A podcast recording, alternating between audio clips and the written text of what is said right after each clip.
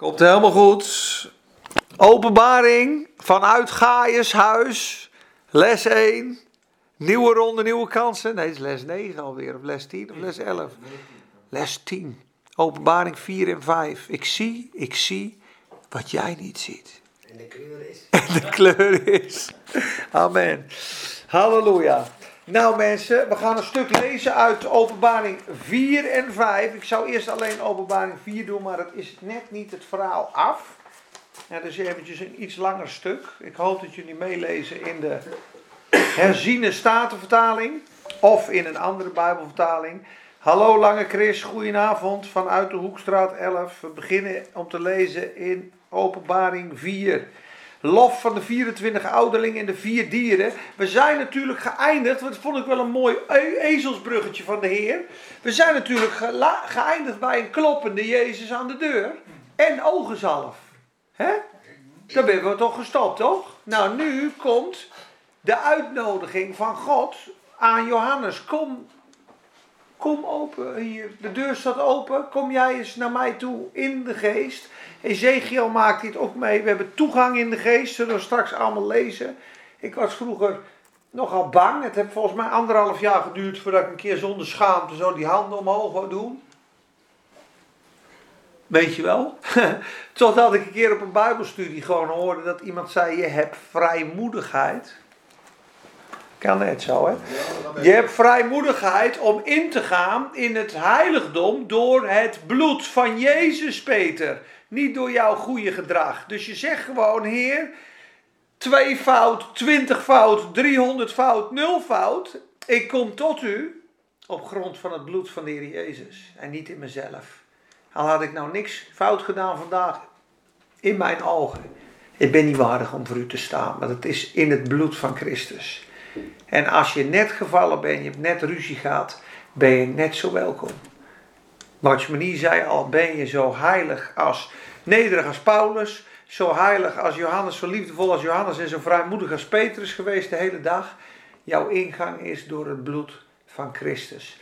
Al ben je zo boos en weggelopen als Demas en zo recalcitrant als Alexander de Kopersmid, je bent net zo welkom door het bloed van Jezus. Op een zwarte dag, op een witte dag. Onze toegang is in het bloed van Christus. En daar hebben wij toegang. Want wat staat er? We hebben toegang met vrijmoedigheid. Een vrij gemoed. Dat betekent je gemoed, je gedachten ben helemaal vrij. Vrijmoedig. Een hart wat vrij is, een geest wat vrij is. Je kan juichend voor zijn troon staan. Ja, maar niet in mezelf. Op grond van het bloed van Christus. En God eert dat geloof. En iemand die vrijmoedig genoeg is om te zeggen: Heer, ik ben niet waard. Maar ik sta hier juichend op grond van het bloed wat u gedaan hebt. Ik ben welkom en dat eer ik. Ik eer uw bloed. En dan zegt Heer: geweldig, geweldig, fantastisch. Wees welkom. Wees welkom. Ik vind het fantastisch dat je gekomen bent, lieverd. Wat, wat geweldig dat je gekomen bent. Want er staat om genade te vinden. Ja, om genade te verkrijgen. Ja, en hulp te vinden in tijden van nood. Dus je moet nagaan, je hebt net ruzie. Dan denk nou, nu ben ik niet waardig.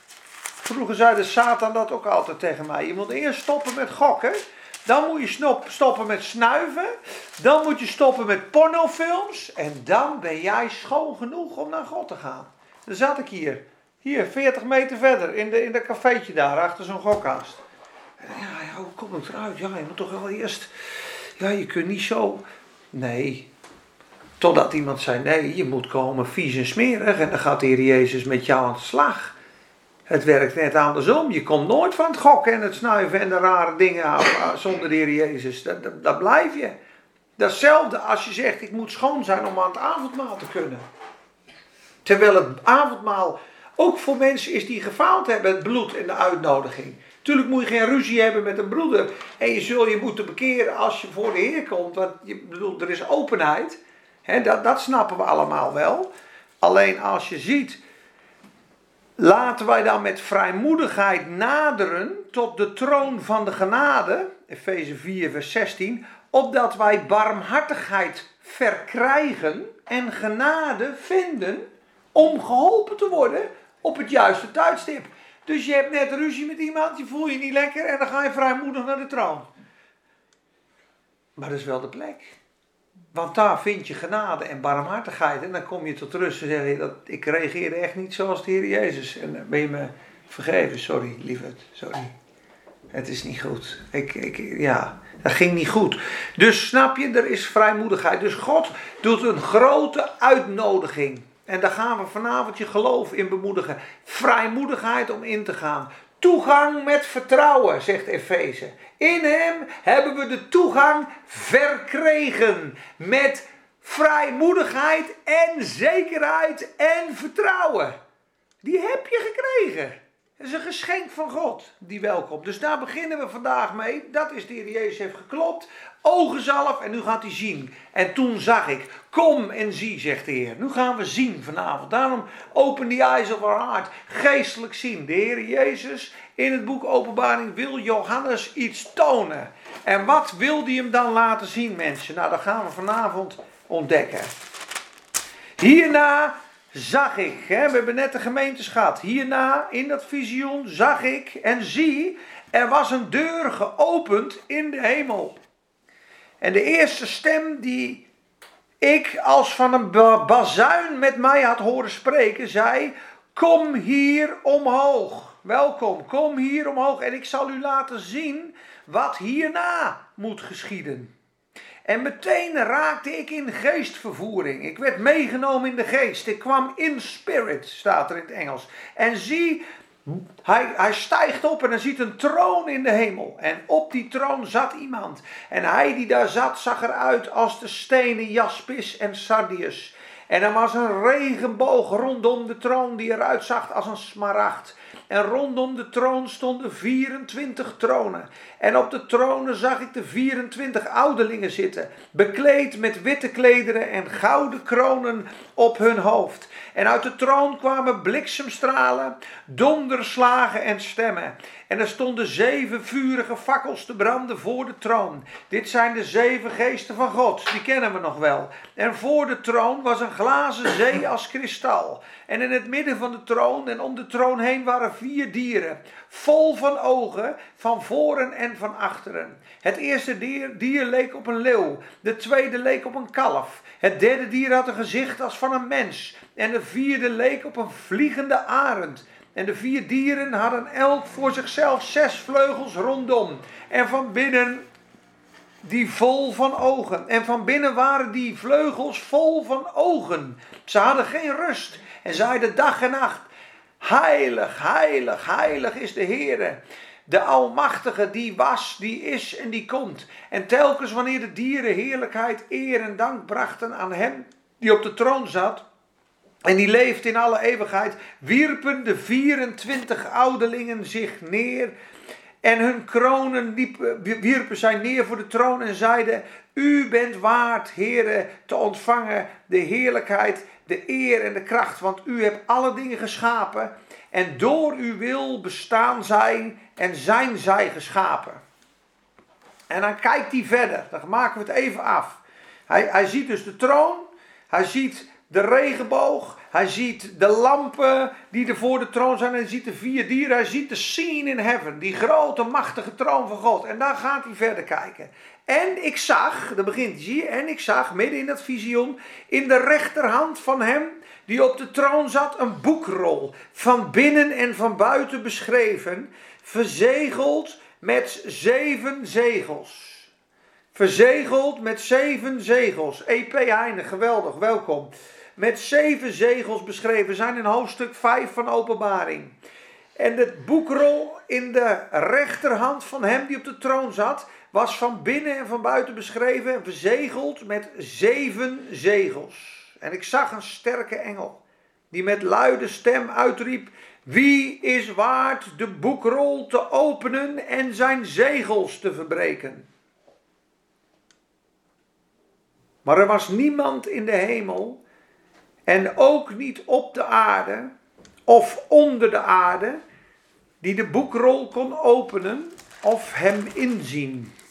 En ik huilde erg, omdat er niemand was gevonden die het waard was die boekrol te openen, te lezen of in te zien.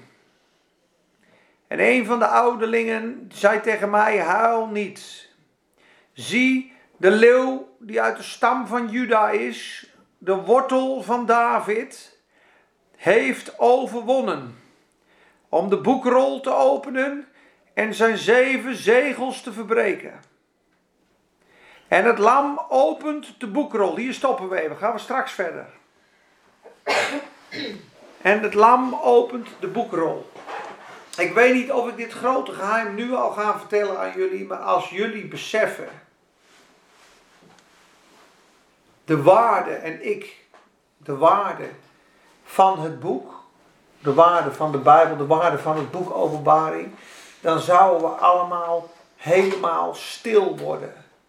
Wij beseffen niet met ons menselijk verstand dat één woord, één zin of één letter van dit boek Openbaring, trouwens van de hele Bijbel, één zin, één woord is meer waard dan de hele schepping, dan alle rijkdom, dan alle grootheden. Dit boek is zo heilig, zo onbereikbaar, zo kostbaar, dat niemand dat boek mocht inzien. Het was in de rechterhand van God in de hemel, de boekrol, opgerold van binnen en van buiten beschreven, zit in de rechterhand van God. En er is niemand waardig. En er was een half uur stilte in de hemel. Niemand was waardig om de boekrol te openen, aan te raken of in te zien. En ik huilde zeer. En er was niemand waardig. Totdat de ouderling komt en die zegt: De leeuw van de stam van Juda, Jezus, heeft overwonnen en is waardig om zijn zegels te breken en het boek te openen. En op het moment dat wij nu gaan lezen in hoofdstuk 5, vers 6, ja, is de boekrol in de hand van God gaat hier open. Dit boek Openbaring, wat wij nu lezen, is die boekrol in de hand van God. Die boekrol in de hand van God, die verzegeld was, gaat hier open. Daarom lezen wij straks, en het lam opende het eerste zegel, het tweede zegel, het derde zegel, het vierde zegel, het vijfde zegel, het zesde zegel, het zevende zegel. Is hoofdstuk 6 tot hoofdstuk 16 in jouw Bijbel. Dit laatste stukje, openbaring, is de boekrol in de hand van God. Is gekocht met bloed, is gekocht door Jezus, is zo heilig zo onaantastbaar, zo onmogelijk en onbereikbaar voor niemand die Jezus kent en de geest heeft, is dit boek open. Moet je over nadenken. Dit is het boek Openbaring. Het staat op de kast, op een stoffig boekje zo. En het is in geen triljarden is het uit te drukken. De waarde van dit boek. De waarde van dit boek. De zegels gaan open. Dus wie is nu wat wil God hem laten zien? De dingen die hierna moeten geschieden. Wat zijn dat? De oordelen die over de aarde gaan komen. Dat laat hij hier aan Johannes zien. En niemand is waardig om te oordelen over die aarde. Dan het lam dat voor zijn geslacht is. Dus hij heeft voor hen aan het kruis gehangen. Hij heeft zijn bloed gegeven. Hij heeft gewacht en gewacht en gewacht en gewacht. En op een gegeven moment is het klaar. En gaat die genadetijd gaat over in het koninkrijk. En dan gaat de Heer Jezus oordelen. En dan komt de toren van het lam. En niemand is waardig om die aarde te rechtspreken. Wie is er waardig? Niemand, niemand, niemand. Dan degene die met zijn bloed voor hen allemaal betaald heeft.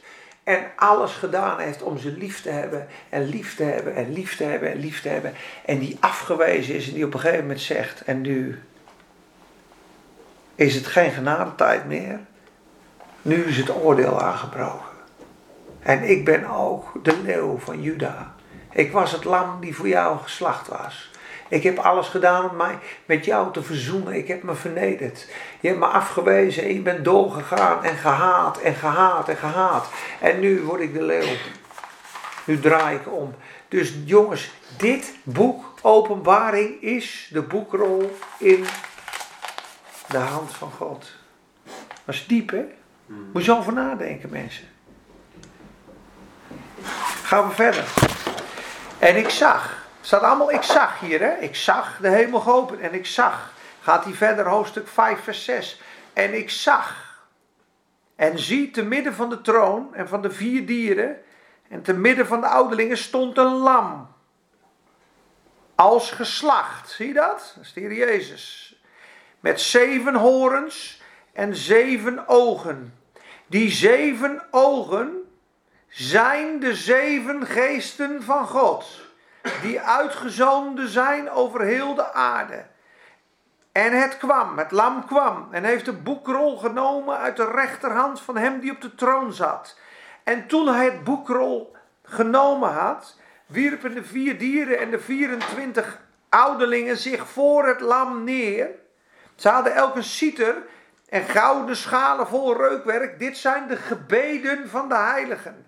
En ze zongen een nieuw lied en zeiden: U bent het waard om de boekrol te nemen en zijn zegels te openen. Want waarom bent u het waard? Omdat u geslacht bent. En u hebt ons voor God gekocht met uw bloed uit elke stam, taal en natie en volk. En u hebt ons voor onze God tot koningen en priesters gemaakt. Mooi hè, wat hadden we in de eerste les? Wie weet dat nog? Toen waren jullie er nog niet. Nee, de eerste les was, was koningen en priesters. Ja, want in hoofdstuk 1, vers 5, dan begint hij dat exact zo te zeggen. Hey, Jezus Christus, de getrouwe getuige, de eerstgeboren uit de doden en de vorst van de koningen, die ons heeft liefgehad en ons van onze zonde gewassen heeft in zijn bloed en die ons gemaakt heeft tot koningen en priesters. Dat is het begin van het boek. Hier wordt dat weer genoemd. Waarom wordt dat weer zo mooi benadrukt? U hebt ons voor God gekocht met uw bloed. Dus moet je eens nagaan dat ik iets zo graag wil hebben en dat de prijs mijn bloed is. Ja, ik wil graag uh, dat mijn kind uh, uh, niet meer ziek is. Ze ligt op de intensive care. En dan zegt iemand, ja goed, ik maak haar beter, maar je moet betalen met je bloed. Vijf liter van je bloed. Maar dat betekent dat ik dan zal sterven. Ja, dat betekent dat je dan zal sterven. Ja, maar ik heb haar meer lief dan mij. Ja. Ja. Oké, dan koop ik hen met mijn bloed. Dus de Heer Jezus heeft ons gekocht met zijn bloed, met zijn leven. Dat heeft hij uitgestort. Daar begrijpen wij de diepte maar niet van. En daar zullen we volgens mij de hele eeuwigheid voor nodig hebben dat wij gekocht zijn met het bloed. Dat is ook wat Paulus zegt, dat ik toch mag grijpen. Dat ik toch mag grijpen waartoe ik van Christus gegrepen ben. Dat ik toch mag verstaan waarom had hij zoveel liefde voor een vervolger van de kerk. Hoe kan dat nou? Ik was een vervolger en hij heeft hem lief gehad. Dus, halleluja, dank u Heer, u hebt ons gekocht met uw bloed. En u hebt ons gemaakt koning en priesters. We regeren als een koning en we spreken als koning en we leven als machthebbers over de zonde, over de ongerechtigheid. En we hebben het decree, de naam van Jezus en de zegelring van God. En we mogen spreken in zijn naam, wij heersen als koningen. Halleluja. En wij dienen als priesters. We zijn heilig en rechtvaardig. En ik zag en hoorde een geluid van vele engelen rondom de troon, van de dieren en van de ouderlingen, en hun aantal bedroeg tienduizend, tienduizendtallen en duizenden, duizendtallen. Ze zeiden met luide stem: Het lam dat geslacht is, is waard om de kracht te ontvangen, de rijkdom, wijsheid, sterkte, eer, heerlijkheid en dankzegging. En elk schepsel dat in de hemel, op de aarde, onder de aarde en op de zee is, en al wat daarin is, hoorde ik zeggen aan hem die op de troon zit. En aan het lam zij de dankzegging, de eer, de heerlijkheid en de kracht in alle eeuwigheid. En de vier dieren zeiden amen. En de 24 ouderlingen wierpen zich neer en aanbaden hem die leeft in alle eeuwigheid. Nou goed, en nog volgende keer gaan we verder in de opening van de zegels. Dus dan gaat Jezus dat boek openen. En dat gaan wij ook doen. Dus we gaan real time meekijken met Jezus. Dus snap je dat dit hemels nieuws is, dat je als je in de geest bent, dat je gewoon vanuit de hemel mee gaat lezen wat destijds besproken is, wij snappen hier niks van hoor. We zijn hier op aarde als een paar stofjes aan het nadenken van ja, ja, ja. Maar moet je eens nagaan, dit is 2000 jaar geleden geschreven. En het moet nog gebeuren. Dus in de geest ziet hij 3000 of 2000 jaar, ja misschien wel meer, ziet hij vooruit. Wij lezen het nu. Wij weten dat dit straks gaat gebeuren, maar die zeven zegelen, ja, we zitten er dichtbij. We zitten er heel dichtbij. Eigenlijk is dit de reden dat ik deze studie ben gaan doen, het begin van hoofdstuk 6. De zeven zegels. Ik denk, we zitten dicht bij hoofdstuk 6, dacht ik om de laatste. Want hoofdstuk 6 is een paard. Hè, de eerste is een paard, het binnen oordelen. Ze zeggen, ja, het is het evangelie wat over de aarde gaat. Maar ik geloof dat het een vals evangelie is. Omdat dit een oordeel is, want het is iemand met een boog zonder pijl erin. Dus het kan wel eens een hele slappe hap evangelie zijn, waardoor er een afval is. Eerst moet er afval komen. En daarna komt er, maar ik kan wel een stukje laten zien. Daarna kwam er een tweede dier, is een rood paard. En die werd macht gegeven om de vrede van de aarde weg te nemen. En maken dat men elkaar zou afslachten. Dus er komt straks een tijd van verharding. Daarna, na die verharding, komt grote economische instabiliteit. En iemand, het derde dier, was een zwart paard met een weegschaal. En die had een maatje tarwe voor een penning. En drie maten gerst voor een penning. Een penning is een dagloon. Dus dat betekent een handje meel, een broodje kost 100 euro. Je moet een dag werken voor een brood, zou moeder zeggen. Jij hebt daar bij Ruven Motor Vergeurten bij de bakken gewerkt. Daar heeft mijn over, overgroot opa vroeger, die was geestvervuld hè. Lambert Bos. Die schreef op elk koekzakje, schreef hij dit. Met een vulpen. Wie lust en vlijt der zonde wijt en het brede pad betrain, al volgt hen daar een grote schaar, ik ga met hen niet mee. Maar wie gelooft met hart en hoofd, in liefde leeft en het kwaad weerstreeft en waakt in de gebeden, met deze ga ik mede. Jacob Bos, vier gevulde koeken. ja. Dus, dus daar jongens, is 1880 hè. Die was dus echt geestvervuld. Dat schreef hij op die koekzakjes.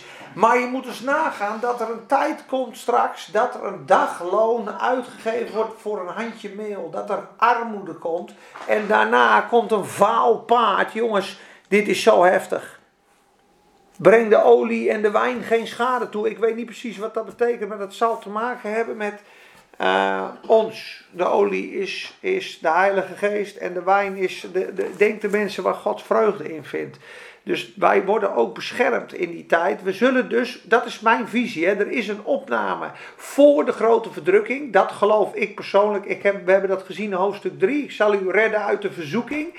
Ik zie ook, waakt en bid, dat u waardig geacht mag worden al deze dingen te ontvlieden en te staan voor God. Met andere woorden, heb je lamp vol, wees waakzaam. De Heer zegt, jij bent getest, gaat, kom maar naar de bruiloft. Ja, maar je ziet dat het gaat niet zonder slag of stoot. Voordat die opname er straks is in die bruiloft, kunnen we nog wel eens wat verdrukking krijgen. Ons geloof kan nog wel eens beproefd worden. Jezus zegt ook, hè, wie volhardt tot het einde toe zal gered worden zegt hij in op, verhandel, of Matthäus 24 en Marcus 13, die hoofdstukken gaan, lees maar, over de grote verdrukking. Die is getest. Die staat klaar. We weten niet allemaal het fijne ervan, maar mijn visie, wat ik zie, is dat openbaring 16 zegels gaan binnenkort open. Ja, en de Heer die gaat de aarde oordelen en wij worden op een gegeven moment ertussenuit gehaald. Maar het is ook zo dat de altaar mensen onthoofd gaan worden om het woord van God. En die gaan onder het altaar bidden: Heer, hoe lang nog? Hoe lang nog voordat je ons bloed gaat wreken op de aarde? Dit is toch een hele ander gebed als Stefanus, zeg ik altijd. Stefanus werd doodgegooid met stenen. Wat bidt hij? Heere, reken hun deze zonde niet toe. En Jezus leert ons zegend, uw vijanden bid voor wie u vervolgen. Doe goed aan die u haten. En hier zitten ze in de hemel. Heer, vergeef ze dat ze tot u mogen komen. O Heer. Ja, en dat ze ook gered mogen worden. Hebben mijn er wel afgehakt. Maar u heeft ze lief. U bent voor ze gekruisigd. Nee, de gekruisigde heeft de rol gepakt. De genadetijd is voorbij. En hij zegt, ze zeggen, hoe lang nog, Heer? Hoe lang nog? Voordat u ons bloed gaat wreken op de aarde. Hoe lang nog, Heer? Wanneer komt er recht op de aarde? Nog een kleine tijd. Want ook uw broeders moeten net zoals u onthoofd worden.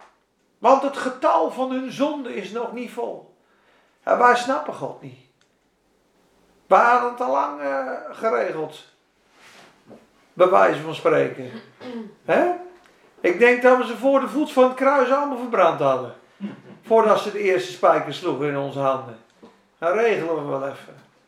Maar hij moest als het lam sterven. En hoe geduld heeft de Heer Jezus. Dat hij wacht en wacht en wacht en wacht en wacht. En de langmoedigheid van God. En het duurt maar en het duurt maar. En op een gegeven moment zegt, wordt het nu niet tijd om te oordelen. Het getal van een zonde is nog niet vol.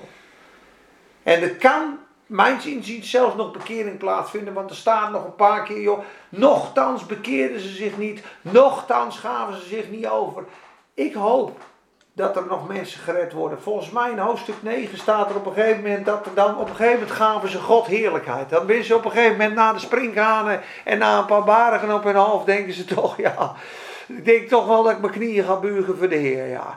Maar het is heftig, jongens, want hier lijkt het wel alsof, een, of jij als vader en moeder tien keer tegen je kind gezegd hebt: Lieverd, kom nou, kom nou, kom nou. Dan op een gegeven moment pak je hem in zijn arm. En op een gegeven moment geven we een pak rammel. En op een gegeven moment gaat hij zo ver deur, dan als je nog niet binnenkomen.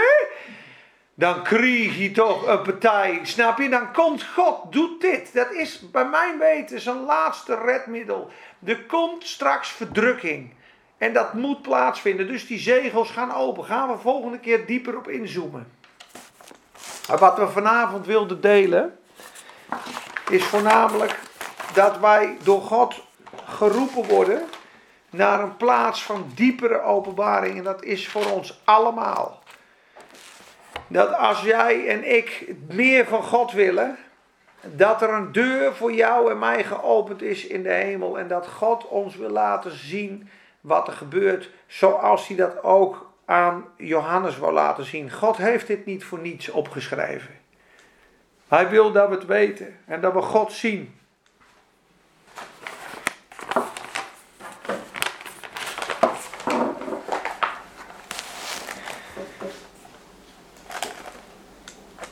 Een 24 oudste de troon, geestvervoering.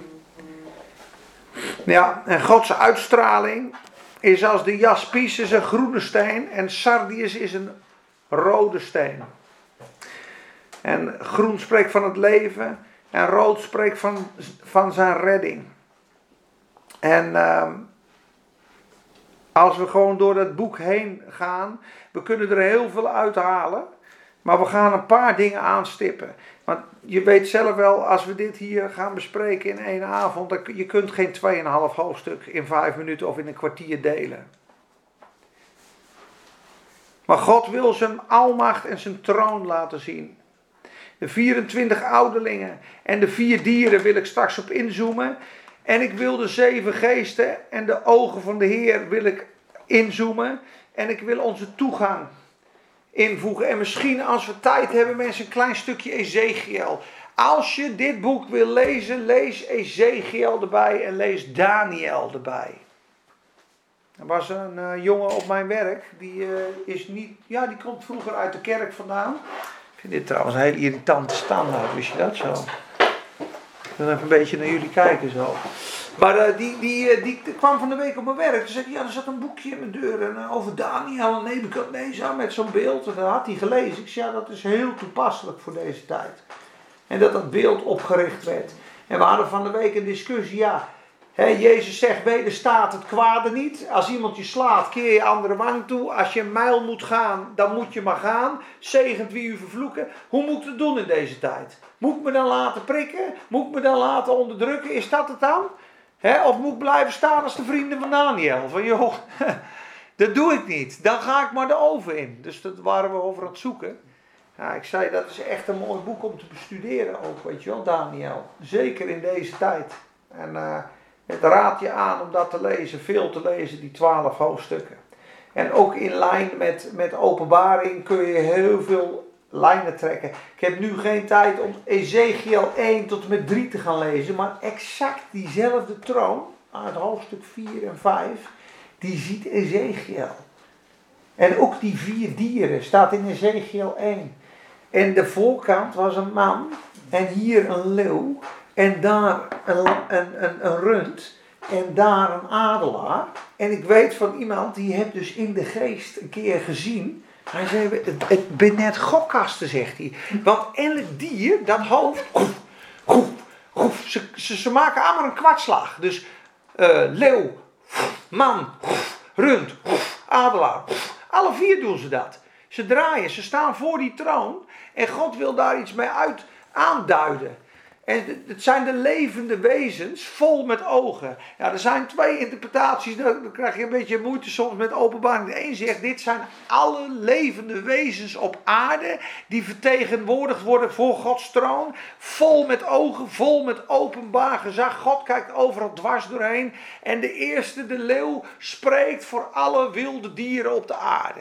Alle wilde dieren op de aarde. De tweede is het rund, spreekt van alle, alle uh, hoe zeg je dat, runderen, kalveren? Hoefdieren. Hoefdieren, ja.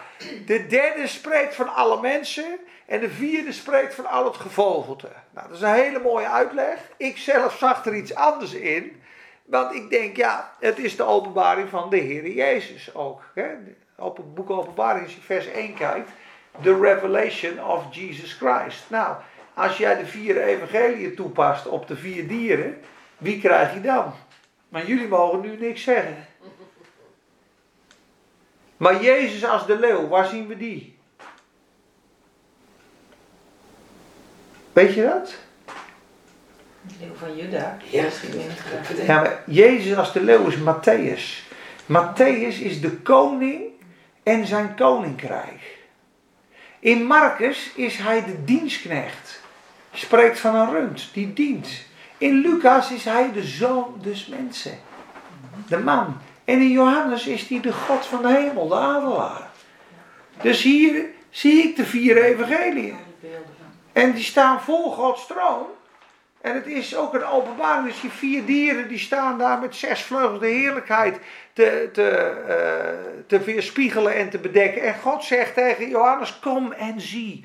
Kom en zie, ik wil jou wat laten zien. Ik wil je laten zien, ik heb de vier dieren. Ik wil je Jezus laten zien als koning. Ik wil hem laten zien als, als, als rund, als dienaar. Ik wil hem laten zien als mens. Ik wil hem laten zien als God. Ik wil dat je hem helemaal ziet. En die zeven lampen en die zeven horens, want daar heb je het over profetische beelden. Hij zag een lam met zeven horens en zeven ogen.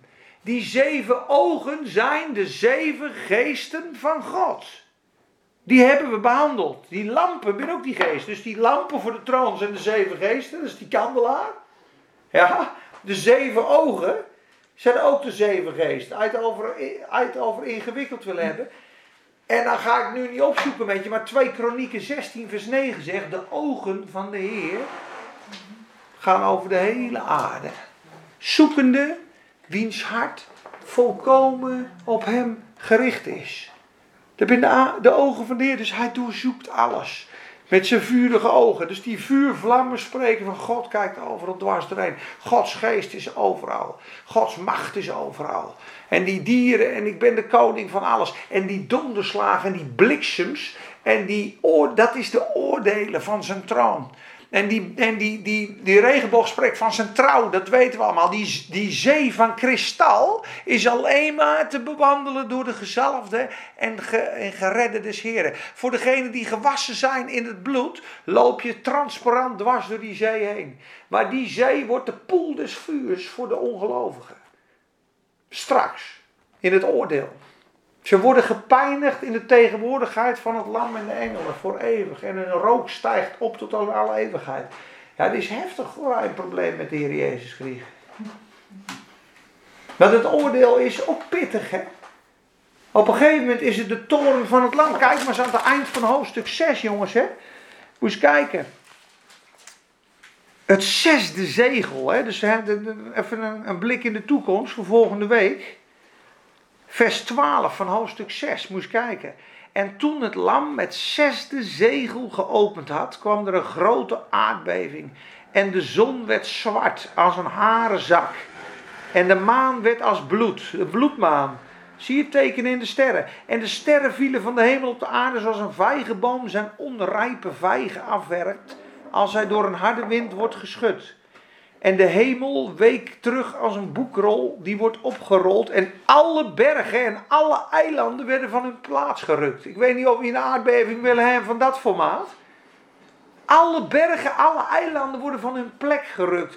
En de mensen zijn op aarde. Kijk, en de koningen van de aarde, dus de grote van de aarde, de grote, de rijken, de overste over duizenden, de machtigen en alle slaven en vrije mergen. Mensen verbo- verborgen zich tussen de grotten en tussen de rotsen en de bergen en zeiden tegen de bergen: Val op ons, verberg ons voor het aangezicht van hem die op de troon zit en voor de toren van het lam. Want de grote dag van zijn toorn is aangebroken. En wie zal dan staande blijven? Dit is Jezus. Dit is de leeuw die straks de aarde in bezit komt nemen. En alles wat tegen zijn majesteit gericht wordt, dat vernietigt hij. Daarom is er ook zo'n mooi lied van iemand: He won't be riding on a donkey next time. Want ze zien Jezus als een stoffig figuur met een wit pakje aan en een hoofdbandje en een doornenkroontje. Maar hij is de koning der koningen en de leeuw van Juda. En hij komt straks gewoon het, de, de toren van God over de aarde storten. Hè. Die trapt hij in een wijnpersbak, de onvermengde toren van God, in een wijnpersbak. Hij het over een slachting heen. David, die ramde een paar Filistijnen dood. Nou, ik zou zeggen, de echte David, de wortel van David, die ramt er straks een paar plat. En dat kunnen wij niet voorstellen. Maar zo groot en zo machtig is God. En zoveel vrees en ontzag moet er ook komen in ons hart. Want wij horen alleen maar de liefdevolle Jezus aan het kruis. En dat is hij ook. Hij is ook het lam en hij heeft ook ons lief. En we zijn ook welkom. Maar de andere oordelende kant en het tweesnijdende zwaard wordt maar weinig aangestipt. Many are the slain of the Lord, staat er in, de, in het Oude Testament. Velen zullen de slachtoffers zijn van de Heer. Hij met de Heer aan de stok krijgt, jongens, straks. Suffering the vengeance of eternal fire. Dan gaat hij wraak nemen. En daarom is het gewoon, hij biedt zijn verlossing ook aan. En dan kijk maar in Daniel. Hoe mooi als Nebukadnezar zo trots is en hij wordt vernederd en zit bij de beesten. En dan op een gegeven moment is ze dat dronken en een poer hoeren erbij en een beetje drank. Zullen we even die, die gouden sjaaltjes uit de tempel halen? Ja, dan zuipen. Met 64 meter dik waren die muren hè, in Babylon. Ze dachten, we zijn onaantastbaar. En dan kwam die hand, weet je, op de muur. Mene, mene, tekel, oefarsim. En niemand die het wist. En er staat, zijn gelaat werd wit. De glans van zijn aangezicht verbleekte. Zal ik even voordoen hoe dat ging, mensen?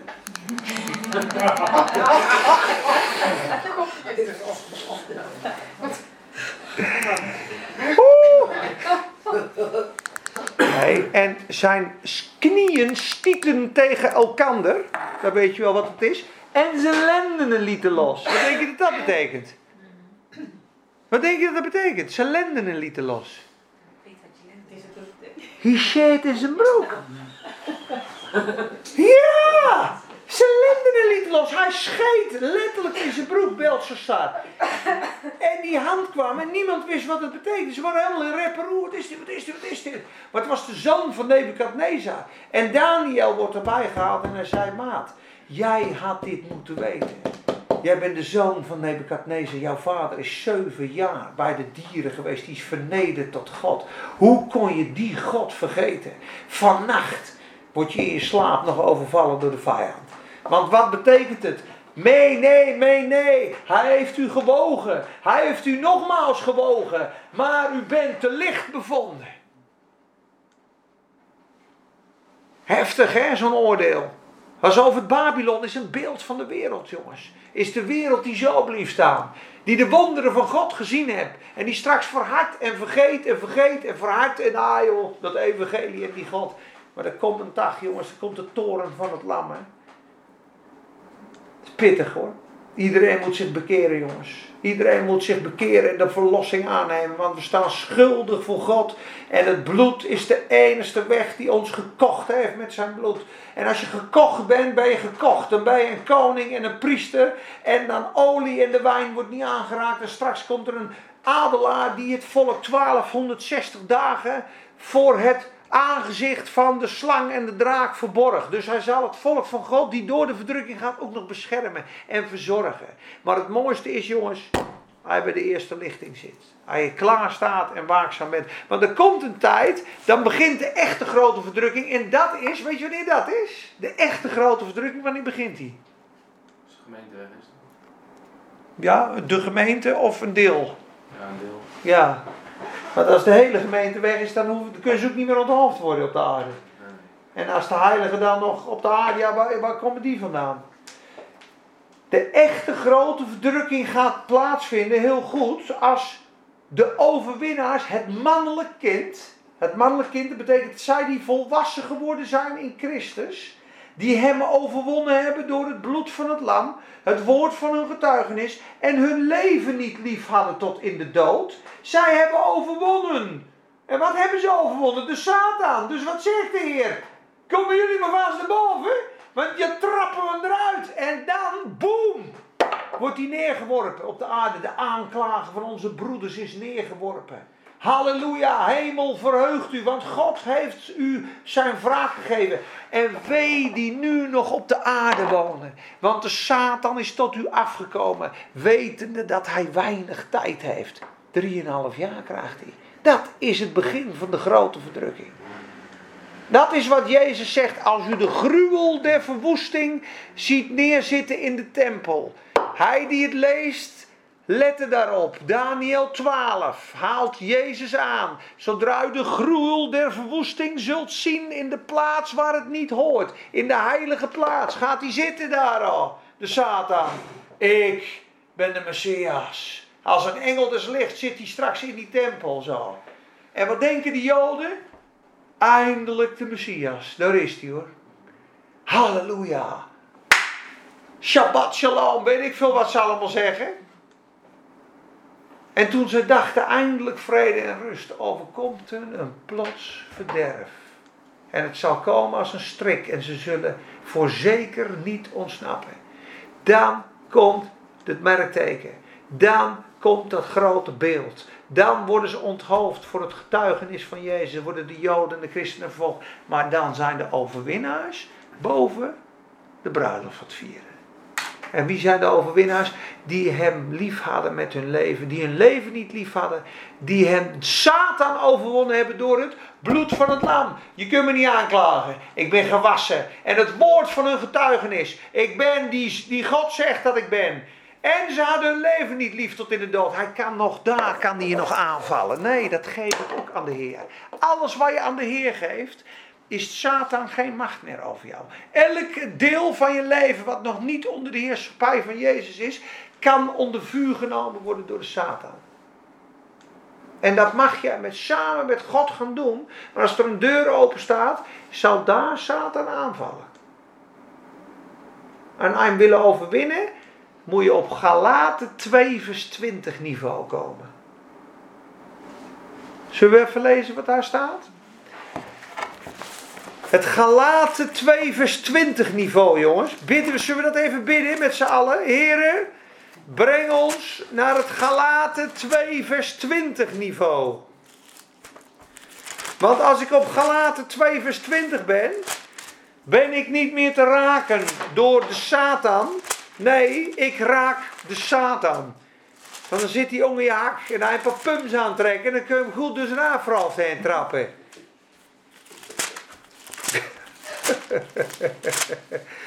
Ik doe pumps aan voor de Heer. Dan trap ik hem dwars de midden, die helloot. Nee, maar zo is het mensen. Galaten 2 vers 20 is het niveau dat je onaantastbaar bent. Dan ben je gewassen in zijn bloed. Weet je wie je bent in Christus? En je hebt zijn je leven onder de heerschappij van de Heer Jezus geplaatst. Hij zorgt voor jou. Je bent helemaal onder zijn vleugel. Ben niet meer te raken. En daar probeert hij ons allemaal weg te krijgen. Hij probeert je te laten strijden in je eigen kracht. Want hij zegt, hij klaagt je namelijk aan. Hé, hey, jij hebt dit en dit gedaan. En wat willen we dan graag doen? Onszelf verdedigen. Maar weet je wat je moet zeggen als je aangeklaagd wordt? Weet je wat je moet zeggen? Je hebt helemaal gelijk, Satan. Dat klopt. Ik ben zo schuldig als wat. Maar het bloed van het lam heeft mij gewassen. Dag. Nee, maar zo is het.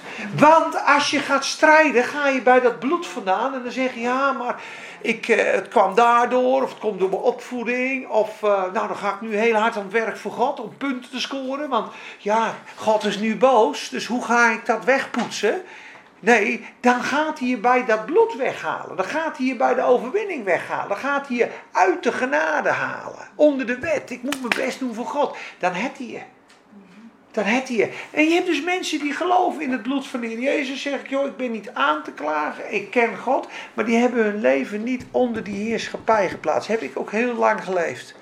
En de hele dag teksten proclameren bij het stoepie. En met dat zwaard de hele dag de duivel weg. En nog een tekst. En nog een tekst. En halleluja. En weer vijf minuten vrede. En weer ellende. En weer ellende. Waarom? De deuren staan open. De deuren staan open. Die, lacht, die schiet hem tien keer voor zijn donderdag. Maar ja, uiteindelijk staat het, het is dweilen met de kraan open. Dus als je overwinning wil, en dat zullen we allemaal moeten leren, zal dat leven in het graf moeten. Je moet zeggen, Jezus, ik staak gewoon mijn pogingen. Echt waar. Ik geef me echt aan u. Ik vind het gigantisch moeilijk, want ik ga graag dit en dit en dit doen. Je hoeft dat allemaal niet op te geven op die manier. Dan ga ik niet meer tennissen, dan ga ik niet meer dit, dan ga ik niet meer dat, dan ga ik niet meer dat. Het is allemaal eigen kracht. Je moet gewoon zeggen, Heer, hier ben ik. Zeg u het maar. Als ik ga tennissen, ga ik samen met u. Als ik ga spelen, ga ik samen met u. Ga ik lekker fietsen met mijn vrouw, doen we het met u. Maar ik wil het onder uw heerschappij doen. Met u. U zorgt voor mij en ik geef het aan u. U bent de regisseur. Heer, wat doen we vandaag? Heer, hier ben ik in afhankelijkheid. U stuurt. En er komt alles ten volle terug, in volle vrucht. En wat gebeurt er dan? Galaten 2 vers 20. En ik lees eventjes in vers 19. Want Paulus was gigantisch met de wet bezig. En hij heeft de wet zo goed gehouden dat hij zei: Ik ben door de wet voor de wet gestorven. Opdat ik voor God zou leven. Met andere woorden, hij wou de, wet houden. Hij wou God dienen. En die wet die toonde hem eigenlijk: God dienen, je bent zo zwart en zo schuldig als maar kan. Die wet heeft hem gedood. Toen is hij aan het einde van zijn eigen gekomen. Hij zegt: Ik ben door de wet doordat ik de wet wou houden, ben ik aan die wet gestorven. Dat heeft me kapot gemaakt. Opdat ik voor God zou leven. En God brengt ons aan het einde van onszelf, omdat je de standaard van God niet kan vervullen. God vraagt liefde voor je vijanden. Kun je niet in je eigen kracht. God vraagt dat we Hem volgen. Kan je niet zonder Hem. Dus Paulus kwam erachter. Ik heb God geprobeerd te dienen, maar het is mij mijn dood geweest, bij wijze van spreken, opdat hij tot leven kwam. Kijk, en ik ben met Christus gekruisigd, opdat ik voor God zou leven. Ik ben met Christus gekruisigd. Zullen we dit allemaal hardop even zeggen, jongens? Ik ben met Christus gekruisigd. En niet meer ik leef, maar Christus leeft in mij. En voor zover ik nu in het vlees leef, leef ik door het geloof in de Zoon van God, die mij heeft liefgehad en zichzelf voor mij heeft overgegeven. Ik doe de genade van God niet te niet. Want als rechtvaardigheid door de wet zou zijn, dan was Christus voor niets gestorven. Wat zegt hij hier? Ik ben met Christus gekruisigd. Dus Petertje Duist is er niet meer. Ja? En ik leef niet meer. Ik ben weg. En niet meer ik leef, maar Christus leeft in mij. En zover ik nu leef, is een nieuwe ik. Hier de oude ik en de nieuwe ik. Kijk, dus kijk, de oude ik. Ik ben met Christus gekruisigd. Oude Peter Duist. En ik leef niet meer. Oude Peter Duist. Maar Christus leeft in mij. In mijn lichaam. Ja, in mijn geest. Ja? En zover ik nu in het vlees leef, nieuwe Peter Duist. Zie je dat? leef ik, nieuwe Peter Duist, door het geloof in de Zoon van God. Ik vertrouw op Jezus, die zichzelf heeft overgegeven en mij heeft lief gehad. Zie je dat? Ik ben er niet meer, ik ben dood, Jezus leeft in mij. En hoe leef ik nu? Welke ik? De nieuwe ik. Die leeft door op Jezus te vertrouwen. En hij leeft in mij. Dit is het grootste wonder van het hele evangelie. Christus in u, de hoop der heerlijkheid. Austin Spark zegt, als de Satan jou af kan krijgen van Jezus in jou, heeft hij gewonnen. Als hij jou laten focussen op iets buiten jouzelf, dus de connectie met Jezus verbroken, doe het zelf. Kun je zeggen, Jezus, ben vergeven, ik ben ik ben in Christus, maar je doet het zonder Jezus. Je moet een gedurige verbinding hebben met Christus in je. Elke seconde. De mensen die diep in God zijn, een, een Corrie Boom, ja, een TB Joshua, en, en Rodney, als die bedient, die hebben elke seconde van binnen een conversatie met God. Echt waar. Die bidden continu. Hein Postman zei het ook. En was hij te laat bijvoorbeeld, toen zei ik, waar ben je dan? En je bent 20 minuten te laat. Ja, ik moest nog een stoeltje uit de schuur halen. Ik zei, zei ja, sorry, dat maakt toch helemaal niet uit dan. Maar die man bad voordat hij antwoordde. Hij zei, je moet leren bidden voordat je antwoordt. Dus ik kom met, waar ben je nou? Ja, jongen, loop niet te zeiken, zeggen wij. Ik moest nog even een stoeltje uit de stuur. Snap je? Hoe, dat moet je leren. Je moet leren bidden voordat je antwoordt. Je moet het samen met de Heer doen. In het getuigen doe je dat ook. Als jij getuigt over Jezus, dan luister je. Dan ga je niet in eigen kracht. Ja, maar dit en dat en zus en zo. Dat, je kunt niet overtuigen. Maar als dan de Heer je een woord geeft. Dat moet je tijdens je werk leren. Dat was het geheim van Brother Lawrence. De meest geestelijke monnik die tijdens zijn werk in de Heer bleef. Is nummer 1 van de all-time christelijke boeken. Hè? Brother Lawrence. Ik weet niet precies de titel. Maar die hebben ze toen in 1600 een keer gevraagd. Wil jij niet een keer een boekje schrijven hoe je dat doet? Want hoe je in de geest bleef, dat is echt wonderlijk. En die had geleerd om tijdens zijn werk in de geest te blijven. En Madame Gouillon is nummer 2. Experiencing the depths of Jesus Christ. Ze hebben allemaal een overgegeven leven. Totaal gekruisigd. Totaal aan het einde van hunzelf. Totaal overgegeven. Hier ben ik, Heere Jezus, zeg het maar. Stap voor stap wil ik u horen. Jongens, dat is het. Dan ga je van glorie naar glorie, van kracht naar kracht. Dan ben je de nachtmerrie voor Satan geworden. En niet andersom. Dan wandel je vanuit de hemel met je hak op hem. En anders wandel je aards. En waar zit de Satan? In de tweede hemel. Zijn hak op jouw hoofd. Dus daarom moet je in opstandingskracht zijn. Wij allemaal gaan zo overwinnen. Zodra de kerk daar komt, is het de volwassen zonen van God die openbaar gekomen zijn. Romeinen 8. De hele schepping ziet uit en is in barensnood, in weeën. Dit is het begin van de weeën, zegt de Heer Jezus. Toch? Het is het begin van de weeën. Wat voor weeën? Wat brengen die weeën? Een kind. Wat is dat kind? Het mannelijk kind. Dat ben de volwassen zonen van God. Dat is de Christus die in ons geboren is. Tot de volle wasdom. Dat is iemand die is gaan staan. En dan zegt de schepping ziet daar naar uit tot het openbaar worden van de zonen van God. En God wil ons allemaal daar brengen. Tot volwassenheid, tot volwassen zonen en dochters die stralen met die heerlijkheid. Die recht spreken als een koning, die leven als een priester. En degene die al klaar zijn, noemt hij de eerstelingen. Daar gaan ze. Die ben rijp. Dat ben het begin van de weeën.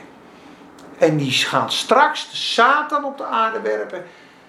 En dan begint de zware grote verdrukking als die in die tempel gaat zitten. Ik ben de Messias. Heftig hè? En dat is bij hoofdstuk 6, hoofdstuk 7, de, de grote dag van zijn toren is gekomen. Dan krijg je hoofdstuk 12. Dus je ziet dat die dingen heftig zijn. Maar het mooiste is jongens, als we allemaal op gelaten 2 vers 20 komen. Ik ben met Christus gekruisigd. En niet meer ik leef, maar Christus leeft in mij.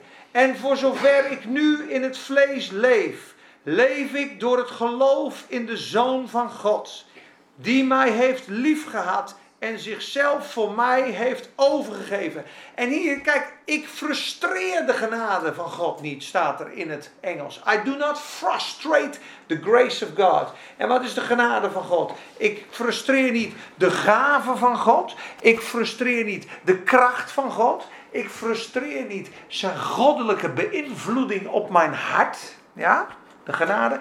Ik frustreer niet de genade van God. Dus al het werk wat hij in jou doet.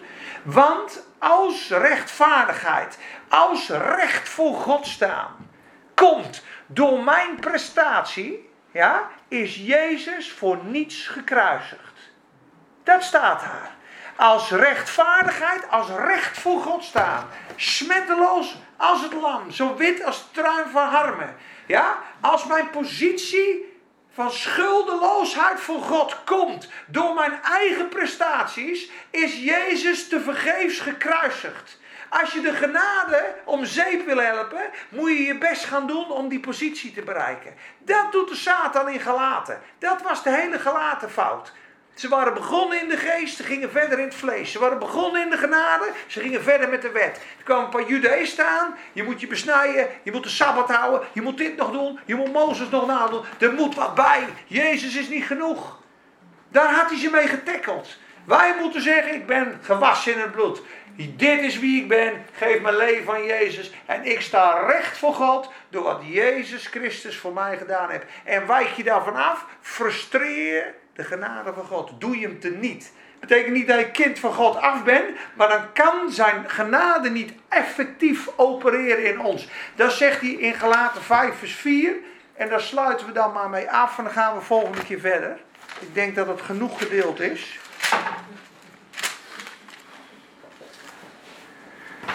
Dit is precies hetzelfde als Galaten 2 vers 21. Galaten 5 vers 4 is exact hetzelfde principe.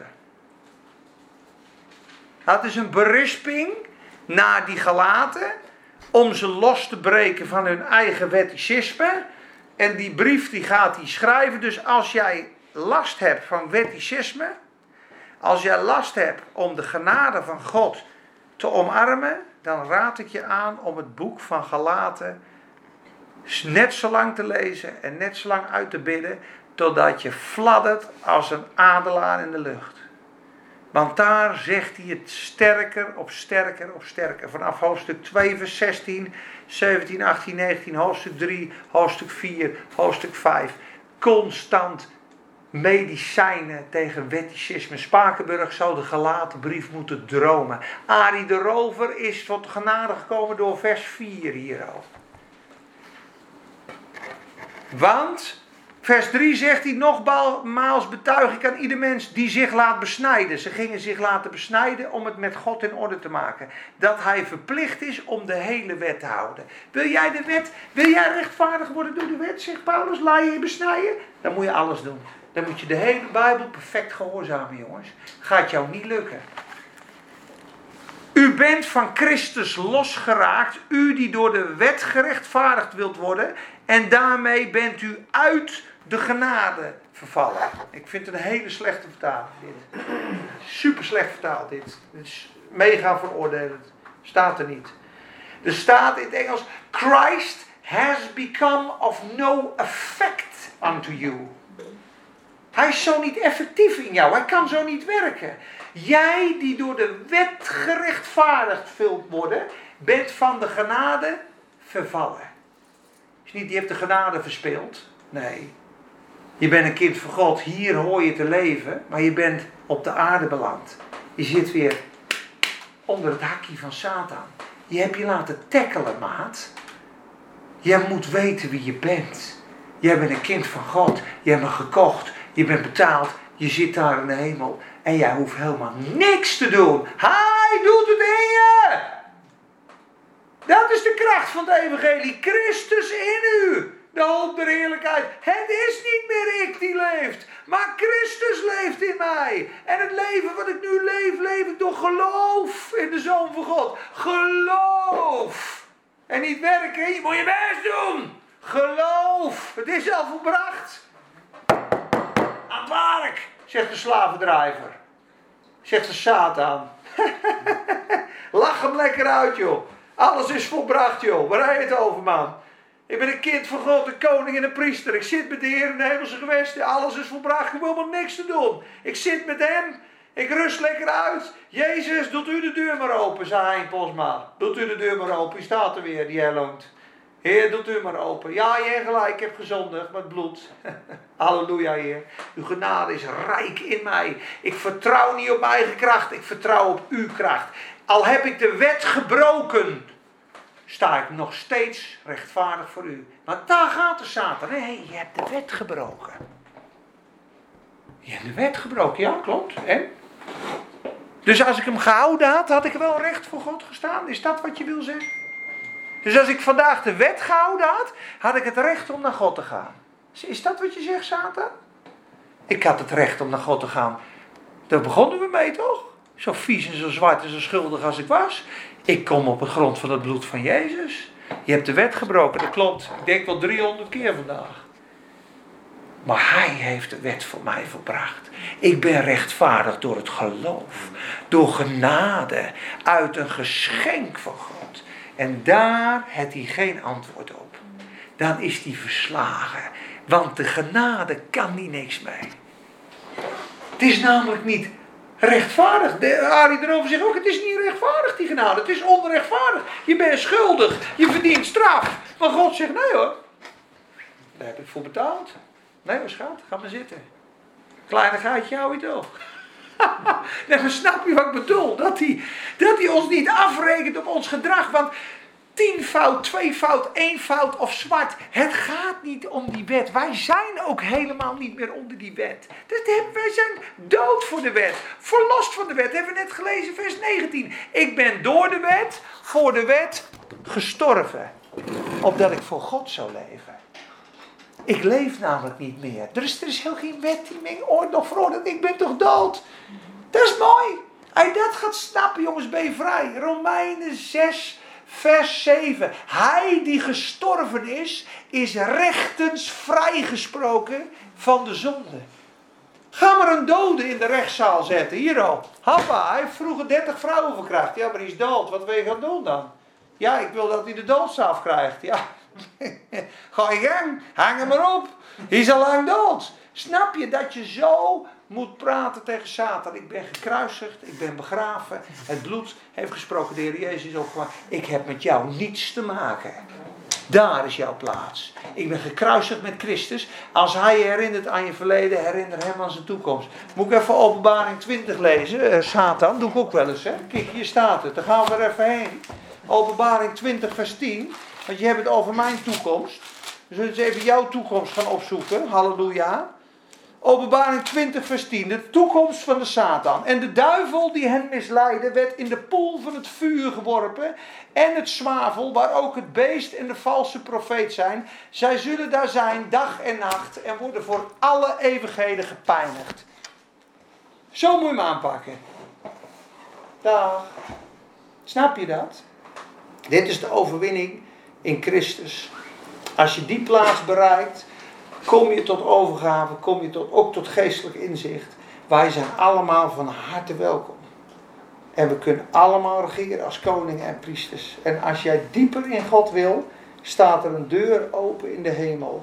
Kom op hier. Lees Ezekiel, lees Daniel. Zoek naar meer. Vraag naar God. En we gaan straks bidden. We gaan dat lied zingen, Shine on Dan gaan we bidden dat God ons deze week aan gaat raken. En ik ga ook bidden voor dromen en visioenen. Want God bevestigt altijd zijn woord met wonderen en tekenen. En het kan maar zo zijn dat jullie van de week in de hemel zijn of iets dromen. Of dat God je iets geweldigs moois laat zien. Want dat wil hij. Hij wil ons verlichten. En hij wil mij ook verlichten. En hij wil dat we hemelburgers worden. Dat we hemels wandelen als koning, als priesters. Onze wandel is in de hemel, mensen. Wij leven niet op aarde. Wij denken wel aards, maar we zijn hemelburgers. We zijn ook in witte klederen, met palmtakken voor de troon. Lekker halleluja, lekker waardig is het lam. Tussen die ouderlingen, je kroon, daar moet je zitten. Tussen die vier dieren. Lekker de koning bestuderen. Lekker de dienstknecht bestuderen de man bestuderen. De, de, de, de, de adelaar van de hemel. Ik ga Johannes doordrenken. Verslind het woord, jongens. Dat moet je doen. dan ga je groeien. Dan ga je een rambam. Krullenbol. Halleluja, amen.